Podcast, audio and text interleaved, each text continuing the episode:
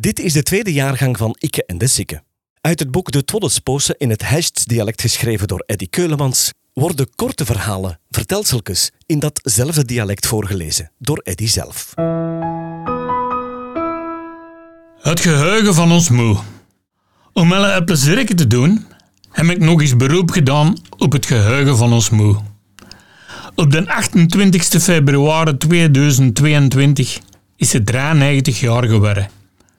Maar ze hebben wij zonder probleem een oud gedichtje afgerammeld, dat bij sommige onder elle wel een belletje zal doen rinkelen.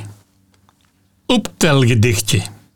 Eén brak ze been, twee zetten het één, drie kwam erbij, vier ging naar lier, vijf sloeg ze waaf, zes trok ze mes, zeven ging naar leven, acht stond op de wacht, negen kwam ten tegen, tien had het gezien, elf was het manneke zelf, twaalf was het manneke met zijn narenkerf, dertien kroop door de haag, veertien scheerde zijn kraag, vijftien ging lopen, zestien moest alles bekopen, zeventien bakte een koek, 18 at hem op, 19 scheet hem op.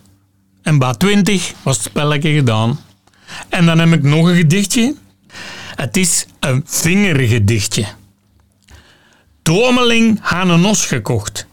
Vingerling had hem thuisgebracht. Langemans had hem beslagen. Fikvak had ervan gegeten en Klaapingske had hem uitgescheten. Niet al te smakelijk, maar toen in die tijd was dat normaal, zei ze. Ken jij Pot vol Geluk al?